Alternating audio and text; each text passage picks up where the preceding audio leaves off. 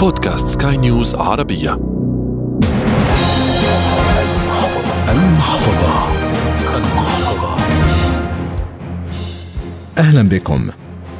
خلال أزمة كورونا التي نعيشها سمعنا قصصا مؤلمة كثيرة لأشخاص فقدوا وظائفهم وآخرين قل راتبهم وعن شركات أفلست وأخرى هرب أصحابها لعدم تمكنهم من سداد القروض والقائمة تطول. إحدى هذه القصص لصديقي الذي قرر أن يتغرب بعد أن حصل على فرصة عمل خارج بلده.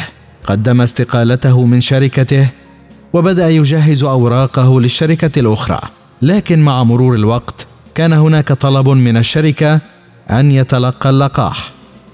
وحاول أن يأخذه لكن تطلب هذا منه وقتا بين الجرعة الأولى والثانية فهناك ثلاثة أسابيع بينهما كما نعرف جميعا. وهذا بالفعل أخر سفره. ما اضطر هذه الشركة للاعتذار عن الوظيفة لأنهم بحاجة لمن يشغل الوظيفة بسرعة أكبر. حلقة جديدة من المحفظة بدأت. معي أنا أحمد الآغا وتأتيكم عبر منصة بودكاست سكاي نيوز عربية على أبل وجوجل وسبوتيفاي. نسلط فيها الضوء على جوانب تخص لقاح كورونا وعلى انعكاسه على دخلك المادي. فكونوا معنا. المحفظة. اللقاح أكثر كلمة ربما تم ذكرها بجانب كورونا خلال العام الحالي ومنذ تصنيعه خلال فترة لا تتجاوز السته أشهر. وهذا أثار لغطا كبيرا بين مؤيد ومعارض. لكن تبين مع الوقت أنه لا سبيل من النجاة من هذا الفيروس إلا بأخذ الجرعات اللازمة من اللقاح. هذا على الصعيد الصحي. وفي الوقت نفسه هناك مكاسب مالية ومادية وصلت لأربعمائة ألف دولار للشخص الذي يتلقى اللقاح. ودخل بهذا على سحب لربح هذا المبلغ في الولايات المتحدة الأمريكية وفاز بالمبلغ يوم عيد الاستقلال. وأيضا في أمريكا صرفت مكافأة بقيمة 100 دولار لكل من يتلقى اللقاح. ألمانيا أيضا منحت 500 يورو لكل من يتلقى اللقاح. ودول أخرى سهلت من الإجراءات على كل من تلقى اللقاح. أولها السفر وهذا بحد ذاته يعد مكسبا ماديا للشخص. فمن قطع عن عمله بسبب عدم تمكنه من السفر سمح له بالسفر جراء أخذ اللقاح. فكم من شخص حول العالم خسر عقدا بسبب عدم تمكنه من السفر.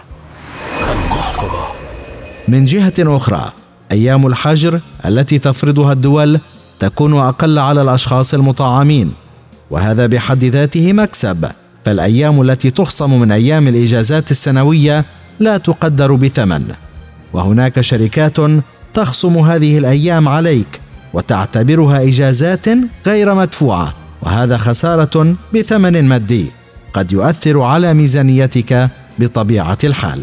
فيما يتعلق بالعمل أيضا ومع العودة التدريجية للتوظيف حول العالم تفرض أغلب الشركات على من ينوي التقدم للوظيفة أن يكون قد تلقى على الأقل جرعتين من اللقاح.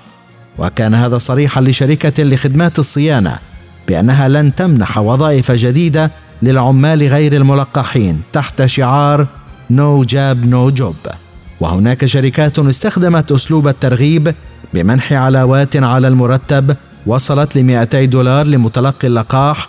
وأيضا هناك شركة بقالة مشهورة منحت عمالها 25 دولارا شريطة أخذه للمطعوم لأنه يتعامل مع الكثير من الزبائن. الإجراءات التي فرضتها الدول حول العالم تشجع على التطعيم وعلى حصر تفشي الوباء، لكن من لا يريد أن يأخذ اللقاح لن يسمح له بدخول المؤسسات الحكومية.